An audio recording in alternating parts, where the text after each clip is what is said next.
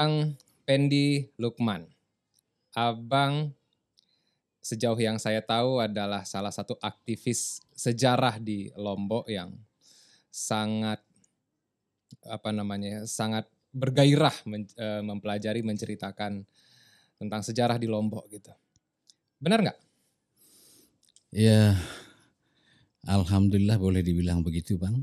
Jadi apa namanya ketertarikan saya itu memang sangat tinggi sekali karena dulu awalnya saya penasaran terhadap bagaimana loh keadaan kita zaman dulu itu sejarah-sejarahnya bagaimana ya terutama yang pertama kali saya pelajari itu tentang keberadaan barang-barang tradisional atau barang-barang antik yang ada di Pulau Lombok ini. Mm-hmm. Nah, jadi saya dituntut untuk bisa menjelaskan itu, bang. Nah, jadi saya harus berusaha bagaimana mencari informasi tentang barang-barang tersebut sejarahnya bagaimana, tempat dibuatnya di mana, fungsinya dan segala macamnya. Akhirnya lama kelamaan ketemulah juga sejarah-sejarah yang lain gitu, termasuklah sejarah sejarah-sejarah kita yang ada di Lombok ini. Waktu itu barang anti apa yang disuruh dicari tahu habis itu di Yang awalnya itu itu kan saya membuat uh, website gitu bang. Uh-huh. Jadi di website itu tidak mungkin kita taruh sekedar foto saja gitu kan. Yeah. Nah, jadi adalah apa namanya uh, narasi sedikit gitu. Akhirnya hmm. yang kebanyakan itu karena di Lombok ini yang terkenal waktu itu basketnya bang.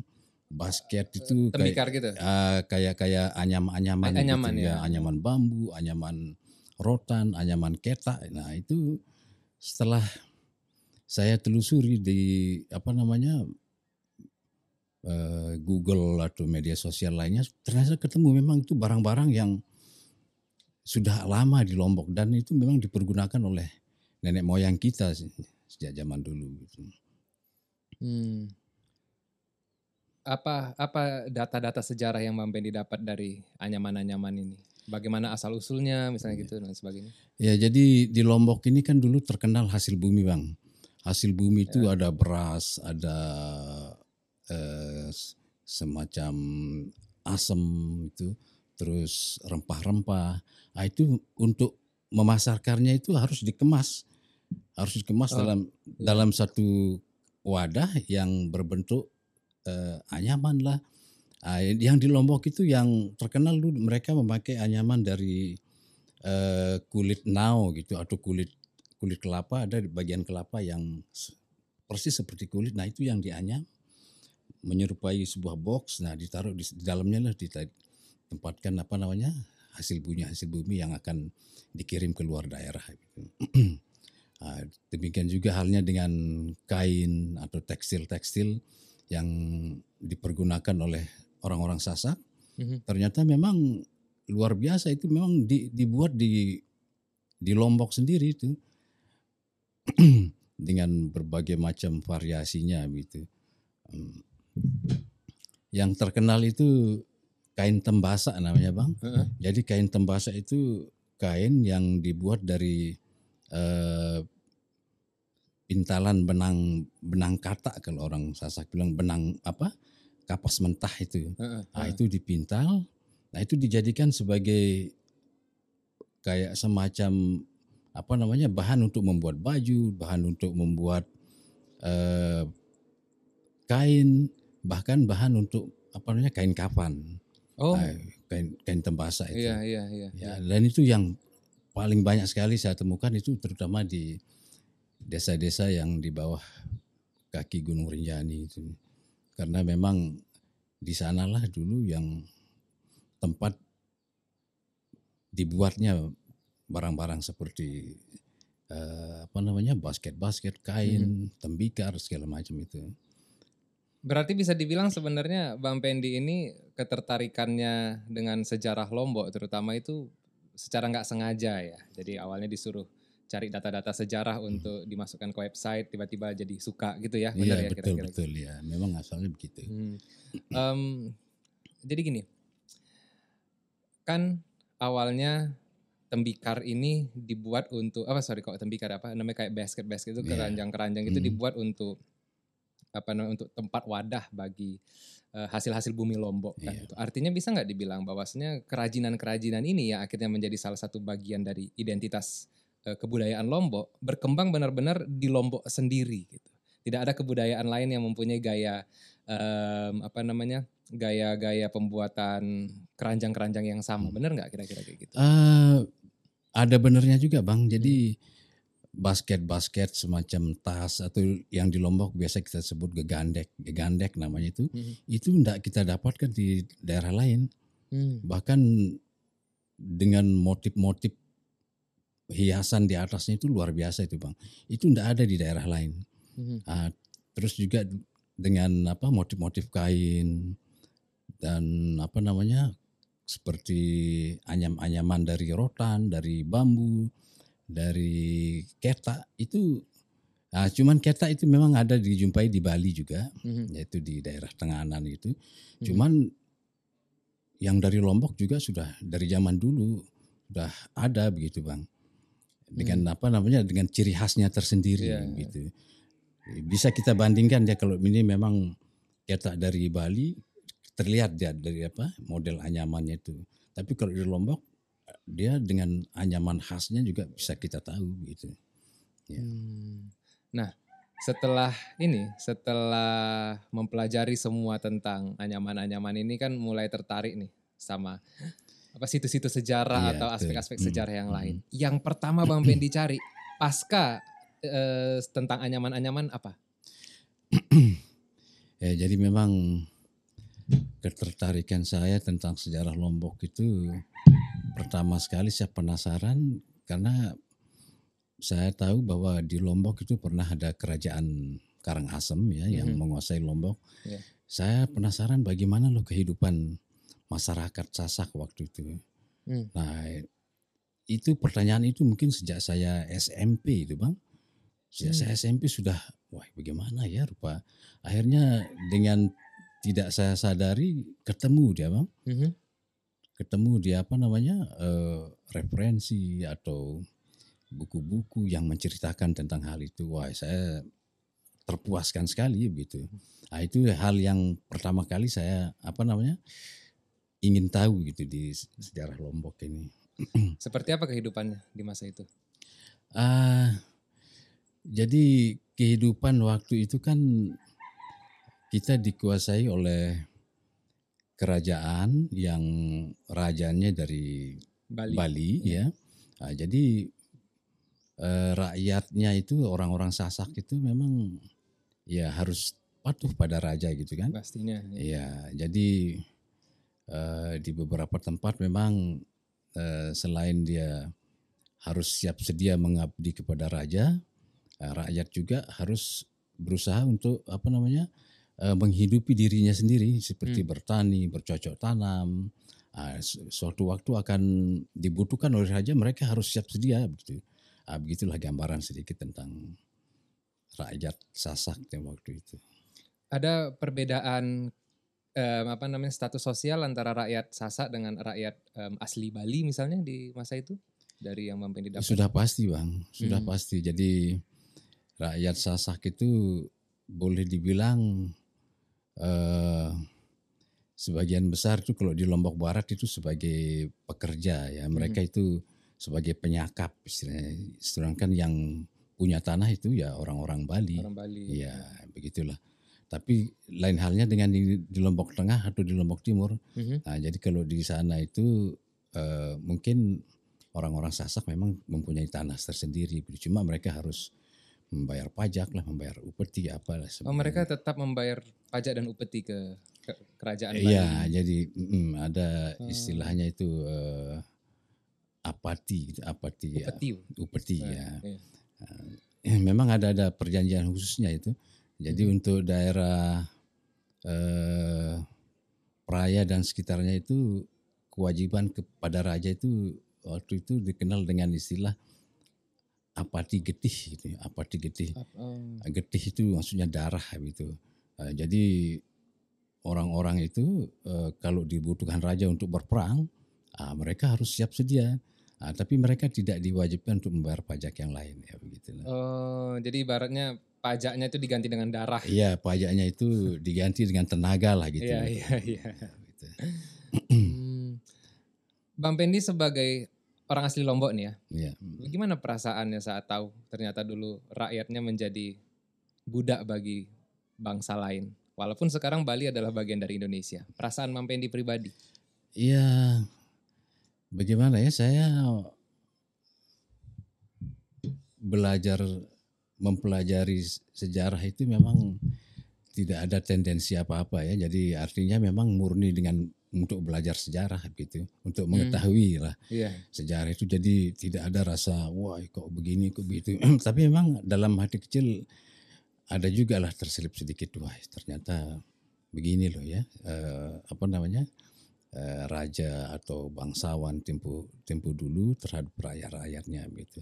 Nah, cuman kembali lagi sebagai orang yang ingin mengetahui sejarah ya saya tidak ada rasa apa-apa gitu. Jadi bisa lah ya memisahkan antara perasaan dan eh, pengetahuan ya. iya betul dapat ya. Mm.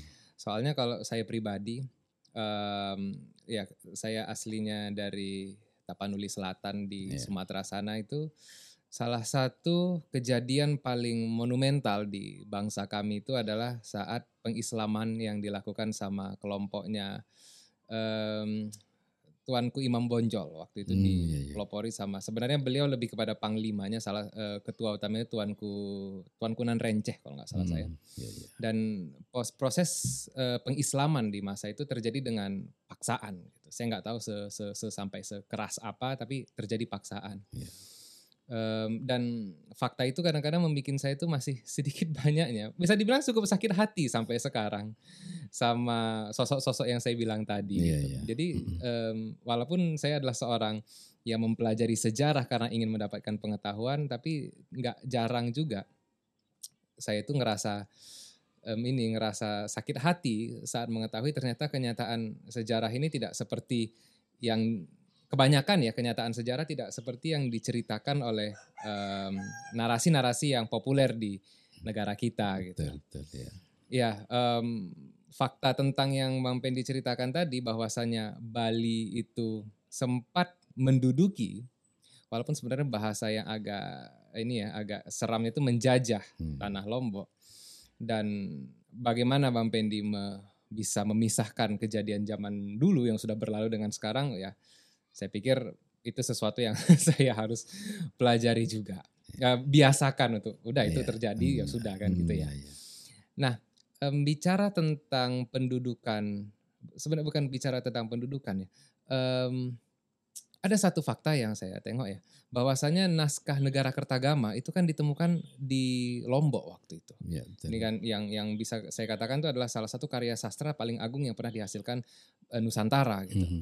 Itu benar ya bahwasanya ditemukan pasca peperangan 1894 penyerbuan Belanda ya. Iya, ya menurut keterangan demikian. Jadi setelah eh, pasukan Belanda menyerbu Puri Ukirkawi, ya Puri Ukirkawi. Puri Ukirkawi itu puri tempat tinggalnya raja. Mhm.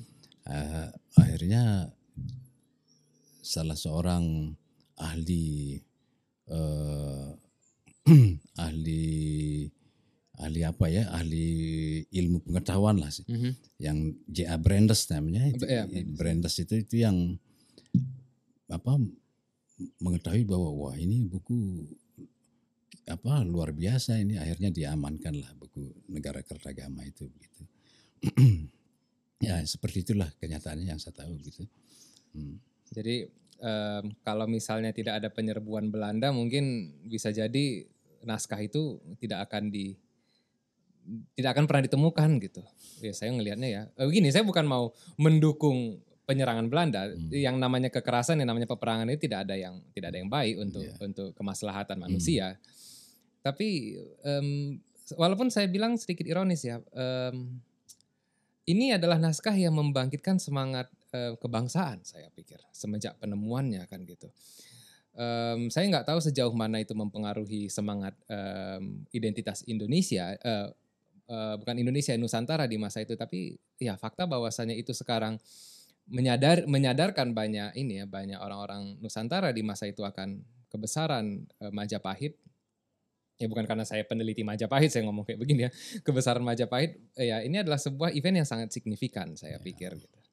Tapi oke kita agak geser sedikit nih dari sejarah-sejarah di Lombok yang berkaitan sama Bali Hmm. apa eh, lokasi-lokasi sejarah yang bukan peninggalan Bali yang ada di Lombok yang merupakan favoritnya Bang Pendi Yang bukan yang bukan peninggalan Bali peninggalan Bali ya. Eh, jadi yang yang terutama yang saya suka sekali itu peninggalan-peninggalan kolonial, Bang. Hmm. Jadi pertama didukung dengan adanya foto-foto Ya. foto-foto lama, kedua dengan narasinya yang cukup banyak di beberapa buku-buku Belanda itu. Jadi mengetahui suatu situs atau suatu tempat itu sangat luar biasa. Misalnya seperti sebuah bangunan Mhm. di Ampenan itu banyak sekali bang. Jadi bangunan satu bangunan ternyata setelah kita eh, kulik, kita teliti-teliti, wah ini ternyata bangunan bekas kantor bank misalnya Mhm. begitu. Nah itu dan data-datanya ada gitu bang. Wah itu sangat menarik sekali. Nah, jadi itu menjadi favorit saya itu untuk apa namanya menelusuri eh, tempat-tempat yang mungkin boleh diistilahkan eh, peninggalan kolonial Belanda gitu. Iya. Nah, selain itu juga hmm, saya suka sekali dengan sejarah-sejarah yang berkaitan dengan masuknya Islam gitu. Mhm. Uh, seperti masjid-masjid lama atau buku-buku lama, kitab-kitab Quran lama. Nah, itu memang menjadi eh, tujuan saya yang berikutnya itu kemungkinan itu yang akan lebih saya perdalam lagi gitu bang. Kalau em, ini, kalau eh, menurut data sejarah yang ada itu bagaimana proses masuknya Islam ke Lombok? Eh, jadi Islam masuk dari Jawa bang. Masuk dari Jawa. Iya itu dibawa oleh eh, Sunan Prapen Mhm. atau Sunan Giri atau Sunan Prapen waktu itu. Nah, itu masuk ke Lombok melalui Bayan. Ini menurut eh, beberapa sumber. Mhm. Akhirnya masuk ke Selaparang. Nah, di sanalah mereka mengajarkan Islam. Nah, tidak berapa lama mereka apa berangkat lagi ke Sumbawa. Ini apa penyebar-penyebar agama Islam ini. Demi setelah itu baru eh, beberapa lama lagi baliklah dia ke Lombok untuk lebih menyempurnakan lagi Mhm. ajaran-ajaran Islam. Sementara itu juga ada beberapa catatan datangnya eh, pedagang-pedagang Arab yang juga boleh dibilang berandil besar itu menyebarkan agama Islam yang ada di Pulau Lombok ini. Ya. Termasuk masjid-masjid Bayan gitu kan, di abis itu yang di daerah Sade nih kebetulan lagi di Iya, Sade iya. juga. Mm-mm. Em, dekat sini Masjid Rembitan, kan? Masjid Rambitan Ya, ya. ini kan semua hasil dari kedatangan apa namanya kedatangan sunan-sunan itu untuk Iya, menyebarkan ajaran Islam ya. Em, apa yang bisa Bang Pendi ceritakan tentang masjid-masjid ini? Karena saya lihat memang desainnya itu tidak seperti kebanyakan masjid di di Nusantara kita bilang lah begitu. Apa yang bisa Bang Pendi ceritakan?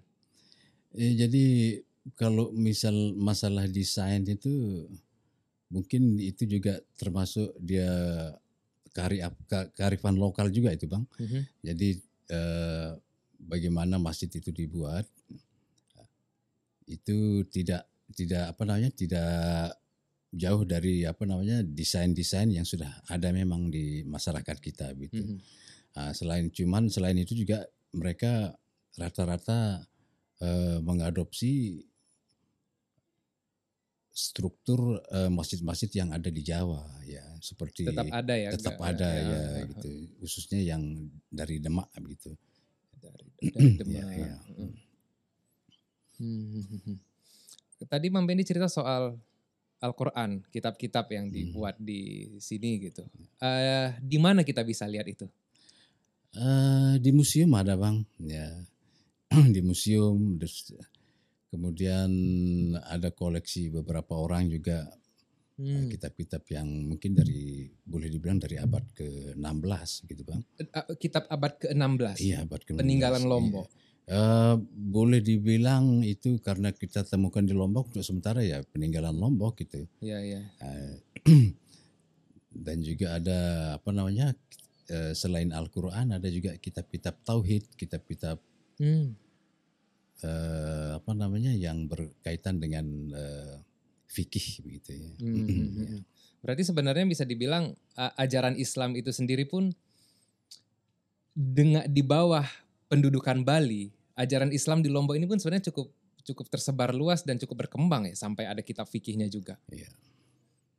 Hmm, Oke, saya mau ngambil kesimpulan bahwasanya ada toleransi yang besar di masa itu, tapi eh, pengetahuan saya cukup sedikit untuk menyimpulkan demikian. Tapi ya setidaknya kita bisa berbangga hati sebagai orang Lombok, yang orang Lombok ya, bahwasanya memang di masa itu em, penguasa Bali dan penguasa yang orang Bali dan orang em, Lombok yang beragama Islam bisa koeksis ya, hidup bersama-sama dengan relatif cukup baik. Karena dari fakta bahwasanya ada kitab-kitab yang ya fikih ini kan merupakan ilmu yang lebih lebih harus didalami daripada sekedar iya. Al-Qur'an yang Hmm. cukup dibaca dan Hmm, dipelajari kan iya. gitu. Hmm.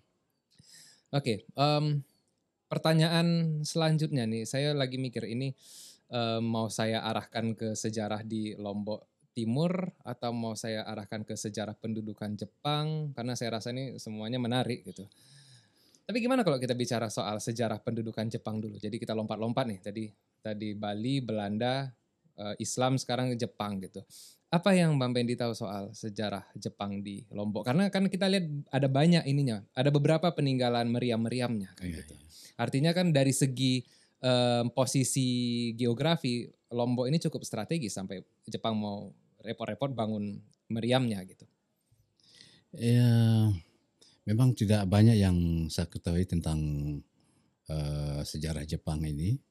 Eh, cuman intinya Jepang itu setelah menduduki Pulau Lombok, Mhm. mereka sibuk membuat benteng pertahanan. Mhm. Benteng pertahanan, jadi ada beberapa tempat, tempat-tempat strategis itu dibuat benteng untuk eh, menghadapi pasukan sekutu. Ya. Ya, tapi ternyata eh, kenyataannya perang itu tidak terjadi di sini. Mhm. Bahkan mungkin di sekitar Filipina mungkin itu Ya, ya terjadinya ya, ya.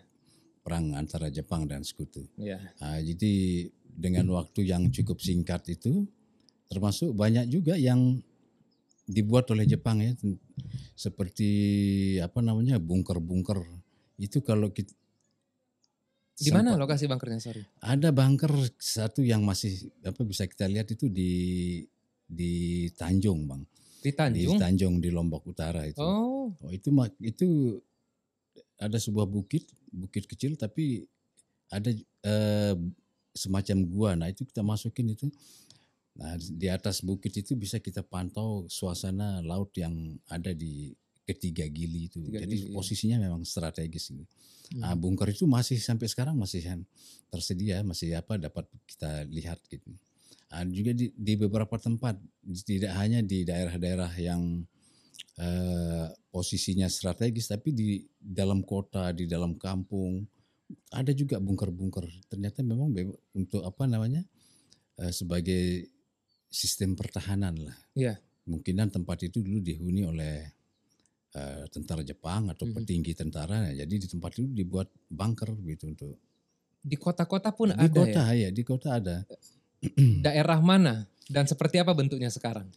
eh di Ampenan itu ada bang, cuma karena oleh orang yang punya rumah dianggap wah ini nanti ada hal-hal yang Angker-angker gitu ya. angker-angker itu akhirnya ditutup gitu. Oh. Itu memang kalau saya pikir-pikir ya memang untuk sebagai tempat perlindungan lah jika terjadi bom atau serangan yang dari Iya, iya. Ampenan. Ampenan ini katanya pernah tempat singgahnya eh, Wallace, Alfred Russel Wallace kan salah Iya. satu tokoh yang paling em, berpengaruh di dunia biologi. gitu. Seperti apa ceritanya? Ya betul Lampenan ini dari sejak zaman dulu itu memang sebuah adalah sebuah kota pelabuhan, Bang. Mhm. Bahkan dari peta-peta yang kita dapatkan, peta yang dibuat oleh Portugis di daerah Hampenan itu memang memang daerah pelabuhan walaupun waktu itu pelabuhan tradisional. Ah, kemudian pada masa kerajaan eh, Karangasem yang ada di di Lombok, Ampenan itu menjadi pelabuhan utama. Mhm. pelabuhan. Jadi kedatangan orang-orang dari mancanegara itu lewat Ampenan, ya. Termasuklah dia Alfred Russel Wallace ini. Mhm. Nah, jadi eh, ceritanya beliau secara tidak sengaja eh, mampir di Ampenan ini. Sebenarnya dia mau menuju ke Sulawesi, tapi karena waktu itu eh, kapal yang akan ke Sulawesi itu belum ada jadwal atau belum ada yang berangkat, akhirnya dia dari Buleleng itu menyeberang ke Ampenan. Ya, setelah mengetahui keadaan di Lombok, sudah berkeliling ke sana kemari, ternyata Lombok ini mempunyai flora dan fauna yang berbeda dengan apa namanya daerah-daerah dari sebelumnya dari Bali, Bali. dan ke atas itu. Akhirnya Welles itu sampai tiga bulan tinggal di di Ampenan. Di Ampenan ya, Mhm. di Ampenan nah, dia menjelajah ke berbagai tempat bahkan sempat ke taman-taman raja untuk mengumpulkan berbagai macam unggas atau kupu-kupu apalah segala macam itu dan itu semua dia dia bukukan bang dia bukukan di dalam sebuah eh, apa namanya buku yang terkenal itu namanya Malaya Ar- Archipelago itu Ah, di sana ada dua bab khusus apa menceritakan tentang Pulau Lombok gitu. Dua bab. Dua bab di buku itu menceritakan bagaimana dia hidup di Lombok dan menemukan segala macam eh, apa namanya yang akhirnya dia bisa apa menentukan bahwa inilah Wales line gitu Iya, eh, iya. garis-garis Iya, batas iya. itu. Hmm. Nah, selain itu juga banyak juga apa namanya eh, peneliti-peneliti lain yang apa yang yang sempat datang ke Lombok, cuman yang yang apa nama yang tercatat di dalam arsip Belanda ya waktu Mhm. itu kebetulan Belanda yang berkuasa ada beberapa orang saja. Seperti misalnya eh, Raja Belgia waktu itu eh, siapa namanya lupa saya. Di abad keberapa ini? Di sekitar tahun awal-awal tahun 1900-an, Bang.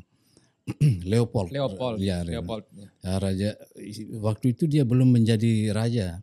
Jadi dia datang bersama eh, istri istrinya eh, Astrid namanya. Astrid ya istri. Astrid.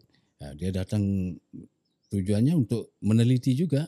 Nah, dia sempat mampir di apa namanya di bawah ke di Gunung Rinjani. Terus tinggal beberapa lama di Lombok. Akhirnya setelah itu dia melanjutkan perjalanan sampai ke Maluku. Dan ketika dia balik ke Belgia, Raja Leopold ini diangkat menjadi raja. Tapi yang tragis itu beberapa bulan setelahnya istrinya itu Astrid itu meninggal dunia gitu. Leopold ini termasuk raja yang bukan sebenarnya ya raja yang sangat kejam perlakuannya ke- kepada ini rakyat di Afrika sana, Kongo. Kongo ya ya. betul. Sampai sampai sekarang em, bekas dari kekejamannya itu masih tersisa gitu. Ya, saya bukan bicara soal bukan bukan itu yang penting fakta bahwasanya orang sekelas raja eh, di Eropa sana gitu dan salah satu peneliti ilmuwan terbesar di dalam sejarah Iya. umat manusia pernah kemari ke Lombok. Ya, itu adalah sesuatu yang patut dibanggakan. Ya, saya, saya, saya ngerasanya begitu ya. Em, tapi gini, di mana lokasi rumah tempat Wallace ini apa namanya tinggal? Dia nggak meninggalkan catatan soal itu ya? Eh, untuk sementara kita belum menemukan eh, apa namanya lokasi yang detail, tapi di di dalam sebuah eh, sumber itu disebutkan bahwa Mr. Wallace ini tinggal di rumahnya Mr. Carter namanya.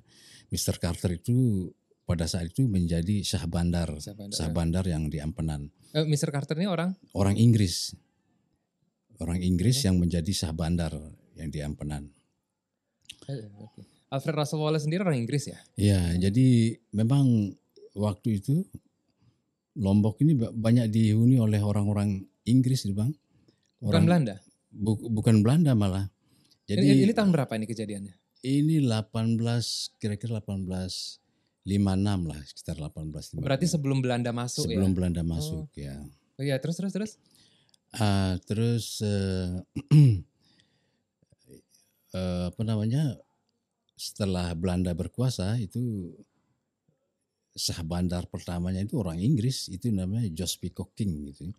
Jos Peacock King itu orang Inggris juga nah, karena dia yang banyak membantu Raja Mataram ketika berperang dengan Karangasem Sasak jadi dialah yang diangkat menjadi sah bandar waktu itu.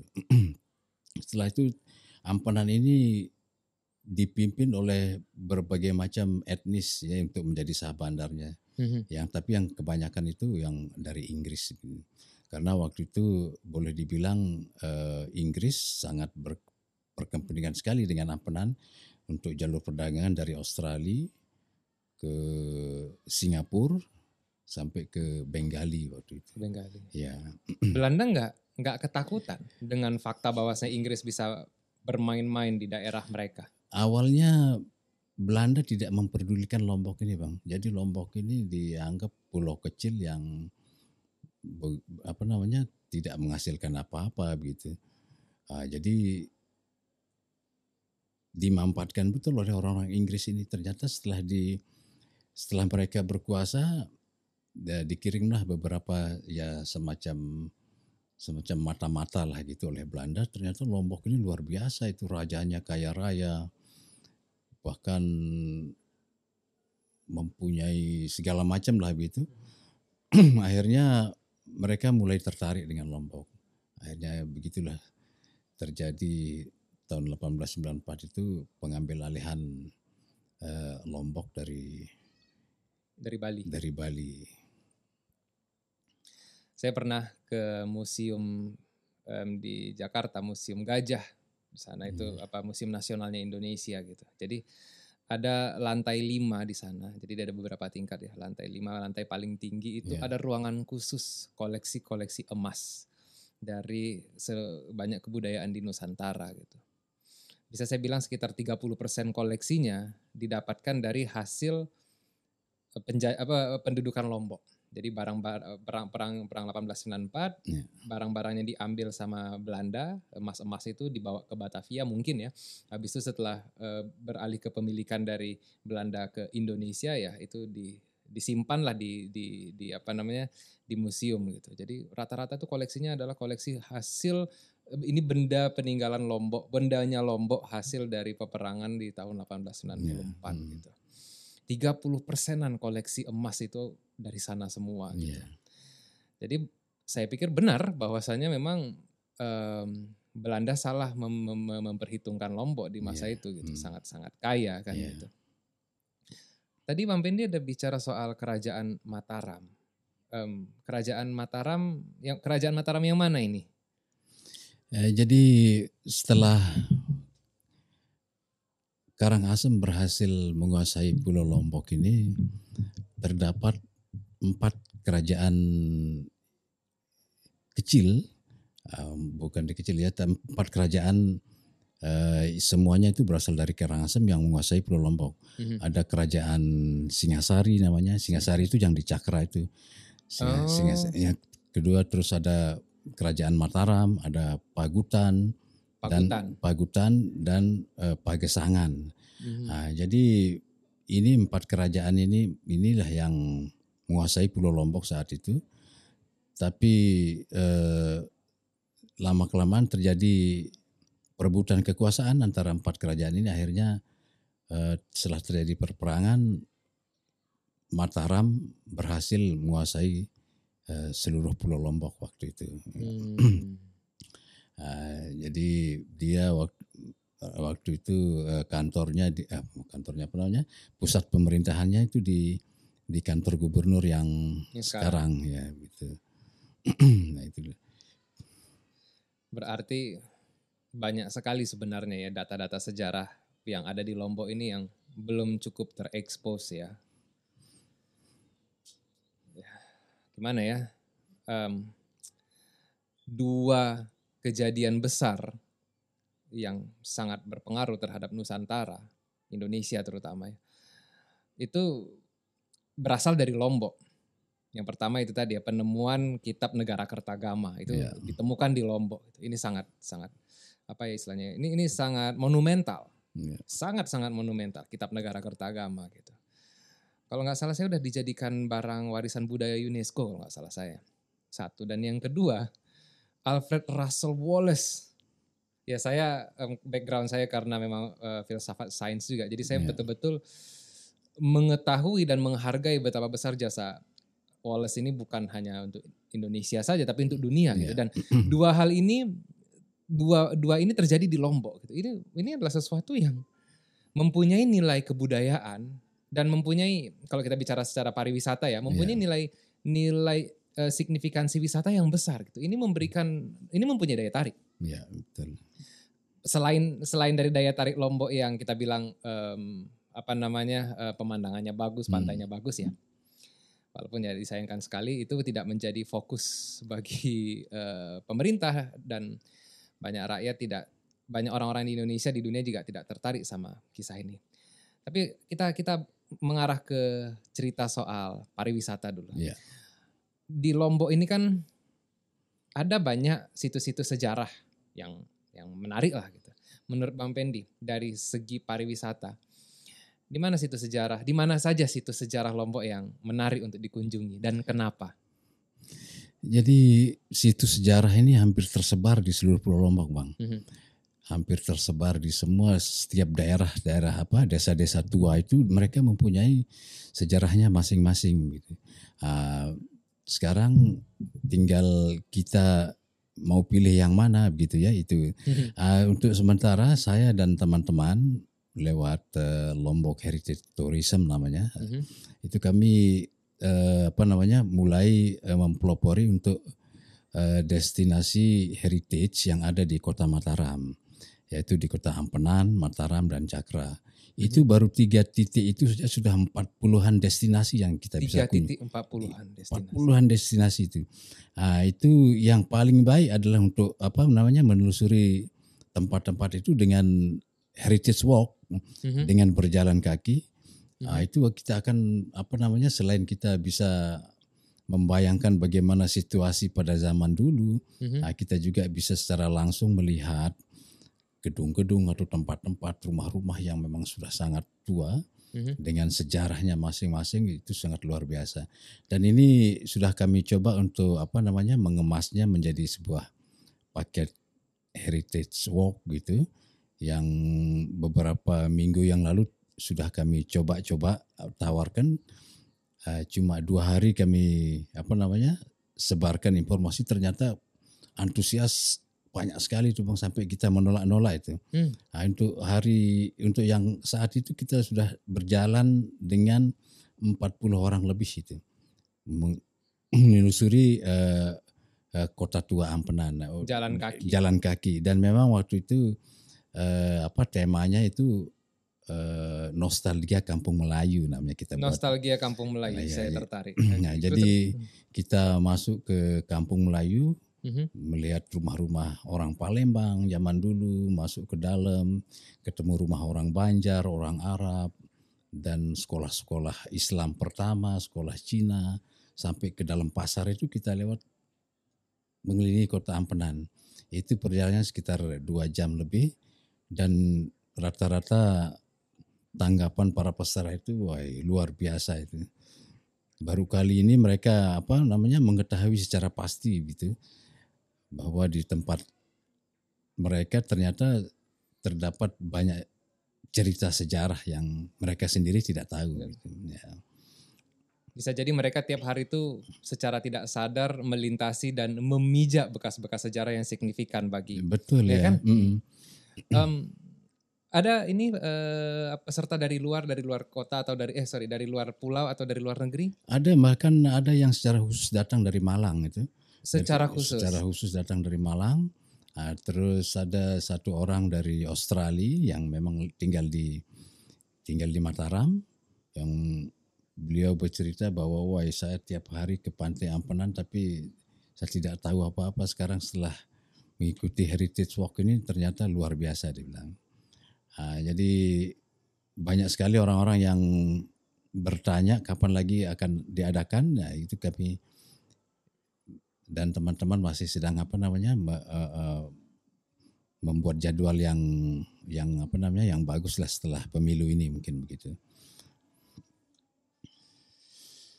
Hmm. Ya, saya saya saya tertarik dengan dengan dengan prospek um, Heritage Walk ini gitu.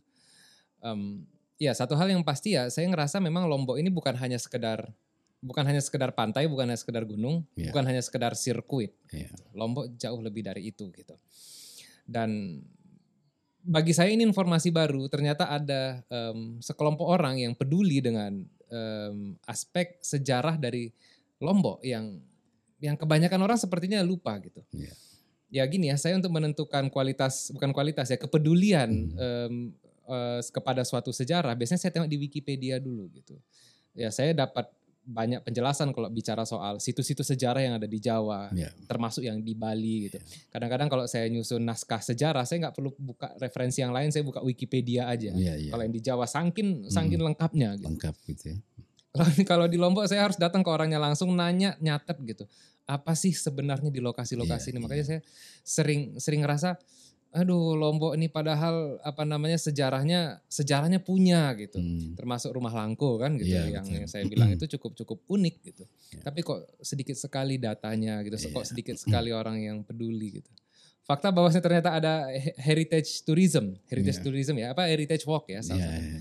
Wah ini bisa bisa menjadi langkah awal untuk membangkitkan ini, membangkitkan geliat em, wisata sejarah lah kita Iya, bilang di, betul. di Lombok Mm-mm. kan gitu. Tapi bagaimana dengan daerah lain di Lombok ini yang mungkin punya heritage walk-nya sendiri belum terekspos? Katakanlah kayak daerah Sade ini Iya. atau di Lombok Timur atau di wilayah em, Labuan Lombok gitu. Apa, gimana? Eh, jadi memang ini eh, boleh dibilang pilot project kami lah gitu ya. Mhm. di Ampenan ini eh, setelah ternyata antusias eh, masyarakat atau apa anak-anak muda sangat tinggi eh, tentunya ini akan kami eh, apa namanya tularkan juga ke daerah-daerah lain Eh, daerah-daerah yang seperti Sade ini memang luar biasa ini dia mempunyai sejarahnya sendiri Mhm. Uh, nanti uh, heritage-nya itu bukan hanya sekedar peninggalan atau bangunan apa, tapi tari-tarian, kebudayaan, makanan itu semua termasuk dalam bagian heritage yang bisa kita expose gitu. Mhm. Uh, memang untuk itu diperlukan uh, istilahnya seperti suatu penjajakan lah. Mhm. Seperti yang kami lakukan di di Mataram, di Mataram kami juga sudah jajaki. Eh, ternyata bukan hanya di Ampenan, di Mataram, di Cakra Negara, di mana tempat eh, negara Kertagama itu di- ditemukan, ya. di mana rumahnya Punggawa Cakra Negara yang pertama itu semua kita kita petakan dan dan akan menjadi apa destinasi yang kalau ses- misalnya ses- eh, suatu waktu ada orang mau jalan-jalan di Cakra, ini loh dia rutenya, ini dia eh, apa namanya yang akan kita kunjungi begitu. Nah juga, demikian juga di tempat-tempat lain eh, desa-desa tua terutama bang, desa-desa yang memang dari zaman dulu sudah ada, pasti mereka punya sejarahnya masing-masing. Nah dan itu kalau kita selami pasti akan ketemu dengan apa namanya adat istiadat, tari-tarian atau apalah namanya eh, selain daripada eh, bangunan atau prasasti lah atau apa yang bisa kita temukan. Karena sebagian besar desa-desa yang tua itu pasti eh, mempunyai sejarahnya sendiri-sendiri begitu. Hmm. Kayak Sade ini ya. Em, saya bisa katakan ini adalah salah satu suku paling primitif, artinya paling-paling awal, paling primordial yang Iya. ada di Lombok. Bahkan bisa saya bilang mereka udah seperti ini sebelum eh, Bali itu sendiri datang gitu. Dan ternyata eh, banyak aspek kebudayaan dari Desa Sade ini mempunyai kemiripan dengan suku saya di Mandailing Angkola sana Oh iya. Dari segi desain dan dari Hmm. segi filosofi gitu. Mm-mm. Jadi em, bangunan bertanduknya itu mirip yang pertama. Habis itu em, penghormatannya sama, saya nggak bilang penghormatan, simbolismenya ya sama binatang kayak cicak atau tokek Hmm. gitu kan. Itu orang Batak, termasuk suku saya itu sangat menghormati binatang itu gitu. Mhm. Dan em, ya dari segi gaya bangunannya pun sangat mirip gitu. Em, tentu alasannya ada kenapa mereka bisa sama yaitu ya kami adalah suku Austronesia asli Mhm. yang tidak tersentuh oleh pengaruh em, Hindu Buddha, tidak terpengaruh em, oleh oleh kebudayaan-kebudayaan termasuk Islam dan kolonial. gitu. Iya iya. Jadi akan eh, jadi mereka dari dulu sampai sekarang tak begitu gitu. Dan saya pikir itu sendiri mempunyai em, kisah yang menurut saya sangat menarik untuk di untuk diekspos. Tentu saya saya eh, ngomong kayak gini bukan artinya saya punya data yang jelas, saya hanya Hmm. ngeliat itu mirip gitu kan. Iya, Jadi iya, wah, kalau mirip berarti jangan-jangan em, ini adalah suku yang apa namanya berasal dari satu nenek moyang yang sama gitu, tidak pernah terpengaruh oleh Hindu Buddha. Mhm. Ini saya pikir ini adalah em, apa namanya ya kisah-kisah sejarah yang sangat menarik untuk diceritakan. Iya iya. Dan, dan dan kisah ini tersedia di depan mata kan gitu. Ini bisa bisa kita expose. Iya. Saya merasa saya merasa sangat penting untuk mengekspos sejarah Lombok. Itu tadi karena karena ada negara Kertagama dan Wallace satu hal, Iya. tapi yang di sisi yang lain ya jangan sampai Lombok itu ini ini menurut saya pribadi ya, jangan sampai Lombok itu sangkin orang datang karena pantainya jadi lupa tentang kekayaan budayanya Betul sendiri gitu. betul. Ya, termasuk yang yang tadi apa ya saya teringat ya tadi pas jalan kemari itu ada orang lagi apa namanya ara apa namanya nyongkol, Nyongkol, ya. lagi Hmm. nyongkol. Saya teringat oh nyongkol salah satu bagian kebudayaannya. Saya nggak bilang apakah ini mengganggu jalan Hmm. atau enggak, enggak. Ini- Hmm. Saya bicara ini adalah bagian kebudayaan Lombok yang Iya iya. sangat khas. Habis itu tentang budaya perangnya apa namanya? Perisian. Presean Hmm. gitu. Ini kan aspek kebudayaan yang luar biasa gitu. Betul. Apa pandangan Mbak Mendi? Ya memang luar biasa itu bang. Jadi hal-hal seperti ini yang memang harus kita kembangkan. Jadi seperti Sade ini tidak hanya dari tahun ke tahun mengunjungi satu tempat ini saja, tapi mungkin kalau dikembangkan lagi dengan sedikit jalan-jalan ya, Mhm. mengitari kampung ini selain selain apa komplek yang ada di sini akan sangat menarik. Jadi tamu itu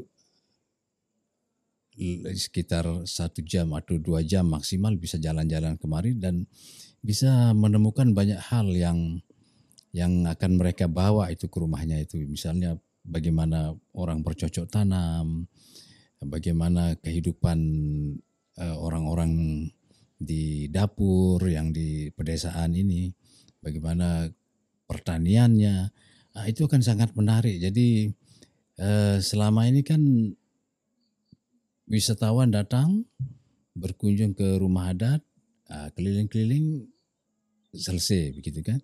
Nah, tapi dengan dengan pengembangan heritage walk ya sedikit jalan-jalan ini mungkin akan lebih menarik. Karena terus terang eh, kenapa kami buat eh, paket seperti seperti dua jam begitu bang? Mhm. karena ada permintaan bahwa orang-orang yang misalnya hari ini mereka akan check out jam 6 atau jam atau jam 4 nah, hari apa sisa waktu itu sepertinya sia-sia gitu yang dari pagi sampai siang itu Yang kosong itu yang ya. kosong Eh, itu. Nah dengan adanya apa namanya eh, paket wisata heritage walk yang dua jam atau satu jam itu mereka bisa manfaatkan itu untuk apa menghabiskan waktunya sebelum mereka akan pulang ke negaranya masing-masing. Iya, Em, heritage walk ya, itu salah satu konsep penceritaan sejarah yang yang sangat-sangat yang sangat-sangat akurat. Iya. Saya saya saya berpikirnya kayak begitu Iya. gitu karena em, kalau kita langsung datang ke lokasinya ada yang jelasin Iya, langsung gitu betul. kan. Mm. Dan ya saya nggak tahu bagaimana itu diceritakan, tapi semoga itu diceritakan sesuai data tanpa ada Iya. bumbu-bumbu yang Iya betul. kan kebanyakan kalau lokasi sejarah Hmm. terutama ya di Indonesia lah ya itu diceritakan dengan bumbu-bumbu mistik gitu. Iya. Jadi saya pernah em, diundang sama salah satu radio di Jawa sana, eh, hostnya nanya ke saya, masnya pernah ngerasakan aura-aura mistis gitu saat kunjung? Nggak pernah gitu kan. Tentu bulu kuduk pernah berdiri kenapa? Karena daerahnya lembab. Iya. Lokasi sejarah sering ditinggalkan begitu saja kan Iya, gitu. betul. Otomatis di situ Mm. em, karena jarang ada pengaruh manusia em, apa namanya pohon-pohon tumbuh tinggi gitu kan otomatis lebih dingin bulu kuduk pasti mer- merinding bukan karena ketakutan karena memang itu reaksi gitu Iya. tapi bagi orang itu udah cukup sebagai alasan bahwasanya oh ada hantunya kan gitu Iya. ya semoga di dalam penceritaannya bukan itu yang bisa itu tidak pernah disampaikan Iya, sama betul. kelompok itu ya Hmm. saya saya bukan mau bukan mau ngajarin tapi Iya. saya pikir sebagai sesama pe- penggiat sejarah kita Iya. tahu kita harus menceritakan dengan akurat mungkin. Iya, memang eh, selama ini ki- kita berusaha untuk menampilkan sesuai faktanya ya, Mhm. sesuai fakta sejarah. Dan itu kami juga tidak sembarangan. Ada beberapa peta, peta lama yang baik oleh Belanda ataupun eh, se- sebelum masa kolonial atau setelah kolonial itu memuat tentang bangunan-bangunan yang ada. Seperti di Mataram itu, Bang, Hmm. ada sebuah eh, catatan mengenai eh, nomor telepon. Mhm. Itu nomor telepon itu satu, dua, tiga, empat dan lebih dan itu yang mempunyai nomor telepon itu perusahaan-perusahaan yang betul-betul pada zamannya itu luar biasa gitu kan. Eh, Nah dari sana kita sudah bisa mengidentifikasi wah ini ternyata tempat ini dia sudah punya nomor telepon, eh, alamatnya, namanya, apa usahanya. Nah itu bisa kita tarik eh, keterangan. Dan juga ada salah satu peta yang diterbitkan oleh Dinas Topografi Belanda itu tahun 1935 itu lengkap itu bang. Setiap titik-titik di ampenan sampai cakra negara itu dikasih nomor. Dikasih nomor dan nom, setiap nomor itu ada keterangannya nama tempatnya sampai keterangan-keterangannya itu. Wah luar biasa. Dan dan berdasarkan itulah kami bercerita Hmm. jadi tidak tidak apa namanya tidak tebak-tebak begitu wah ini bangunan tua terus nah jadi kami dari peta itulah kami apa namanya dasar kami untuk menceritakan Mhm. untuk menjelaskan eh, sejarah atau keterangan tempat yang kita kunjungi. Apa pengalaman terseru selama melakukan ini semua, termasuk pas melihat semua lokasi-lokasi sejarah? Eh, jadi saya pernah eh, menghandle 120 mahasiswa itu bang. Wow. Jadi mahasiswa ini kan mereka kritis-kritis gitu. Hmm. Nah, jadi setelah kita menelusuri berbagai tempat di sesi terakhir itu kita ada- adakan tanya jawab. Waduh pertanyaannya itu luar biasa itu. Mhm. Itu mungkin mereka butuh waktu lagi itu untuk wah kapan kita bisa sambung lagi ini Pak begitu. Karena saking apa namanya saking antusiasnya mereka terhadap sejarah yang kita kunjungi tadi itu. itu. Dan Mampe ini berhasil menjawab semua pertanyaannya? Eh, walaupun secara terbata-bata tapi alhamdulillah lah bisa di apa mereka memuaskan mereka gitu. Mhm. Kira-kira kenapa mereka bisa tertarik dan kenapa mereka bisa terpuaskan? Eh, jadi rata-rata anak-anak mahasiswa ini kan mereka boleh dibilang tidak tahu sama sekali tentang sejarah itu. Jadi model pertanyaannya itu ya seperti pertanyaan siapa yang ini ini bekas apa, ini dulu fungsinya apa. Nah, pertanyaan-pertanyaan seperti itu kan tidak terlalu su- susah untuk kita jawab. Dan mereka setelah mengetahui faktanya bahwa mereka sangat terpuaskan begitu. Artinya memang ada em, semacam benih-benih ketertarikan banyak orang-orang, terutama generasi yang muda di, Iya. di Indonesia ini terhadap cerita-cerita sejarah. Iya. Jadi jadi gini, bukan karena sejarah itu tidak menarik. Jadi jadi ya salah satu um, stereotip yang sering saya dapat di saat bercerita tentang sejarah, di Hmm. saat menggiatkan sejarah itu adalah sejarah itu tidak menarik. Saya nggak setuju dengan itu karena ya begini ceritanya Bang Pendi ini Hmm. menjelaskan bahwasanya mereka tertarik, Iya. mereka punya punya rasa penasaran. Iya. Tinggal bagaimana membuat cerita Iya. seperti yang dilakukan yang sudah dilakukan Iya. eh, dan disajikan dengan cara yang menarik sehingga mereka punya ketertarikan gitu. Iya. Eh, Jadi pas saya bilang disajikan bukan artinya kita membuatnya menjadi berbeda nggak bukan kita dramatisir atau apa enggak gitu. Kita ceritakan seperti apa adanya. Ya yang kayak saya bilang tadi ya. Apa namanya? Oke, j- jangan jangan ambil konteks ininya, jangan ambil konteks politiknya, tapi gini. Berkat perang 1894 antara Belanda dan Bali yang ada di eh, Balinya bukan Bali ya, apa namanya? Cakranegara ya. Iya. Benar ya Cakranegara ya, biar saya nggak salah. Ya, bisa cakra negara ya. Hmm. Antara Belanda melawan Cakranegara di, di di di masa itu gitu. Kita bisa menemukan kitab negara Kertagama.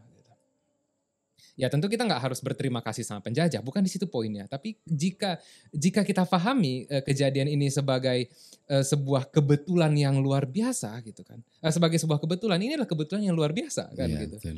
Hmm. Ini loh kitab yang kita bangga banggakan. Ini loh sosok yang dibanggakan oleh Indonesia, Gajah Mada gitu. Dari sini kita tahunya. Mhm. Dari mana? Dari kitab yang kita temukan secara nggak sengaja tahun 1894 di Lombok. Ini kan saya tidak me- melebih-lebihkan. gitu. Hmm. Itu kenyataannya kan gitu. Termasuk itu tadi ya, Alfred Russel Wallace gitu. Wah sa- sangat disayangkan sekali kita tidak tahu di mana beliau tinggal selama di di di Lombok tiga bulan ya. Iya. Kalau kita tahu pasti bisa dijadikan kita bangun kayak apa namanya monumen di situ gini. Hai orang-orang Indonesia gitu. Hai orang-orang dunia. Ini loh salah satu sosok kebanggaan umat manusia pernah menginjakkan kaki, pernah tinggal tiga bulan di sini. Gitu. Iya, betul. Sayang sekali gitu. Orang kalau ke Lombok tahunya pantai, kalau tahunya sirkuit gitu. Nggak tahu deh bahwasanya ini pernah terjadi gitu. Iya. Ada hal-hal lain yang eh, bisa Bang Pendi sampaikan sebelum kita tutup? Ya jadi eh, memang sejarah kita ini memang harus kita pelajari lagi, harus kita betul-betul telusuri dan mempelajari sejarah itu tidak cukup dengan membaca saja gitu. Jadi dengan mengunjungi tempat-tempat yang bersejarah, dengan mempelajari tempat-tempat itu akan lebih berbekas istilahnya itu. Jadi ingatan kita tentang sesuatu itu akan lebih lebih kekal gitu ketika kita bisa mengunjungi suatu tempat itu. Nah, dengan heritage walk ini saya rasa ini sangat sangat sangat eh, membantu sekali dan memang generasi muda ini memang perlu kita tanamkan untuk cinta sejarah, Bang. Jadi kenapa sekarang ini orang-orang tidak peduli dengan bangunan-bangunan bersejarah karena mereka tidak ada rasa cinta terhadap sejarahnya. Nah, jadi kami dari sekarang ini sudah mulai menanamkan eh, kepada generasi muda untuk mereka lebih cinta kepada sejarahnya sendiri. Dan nanti pada suatu saat ketika akan dibutuhkan, mereka akan membela tempat-tempat itu jika akan terjadi sesuatu. Ya begitulah kira-kira bang. Wah ini bahasa penutup yang luar biasa ini. Dan langkah itu sudah dimulai kan dari Lombok Iya, Heritage Walk ya. Betul. Oke, Bang Pendi, terima kasih. Sama-sama.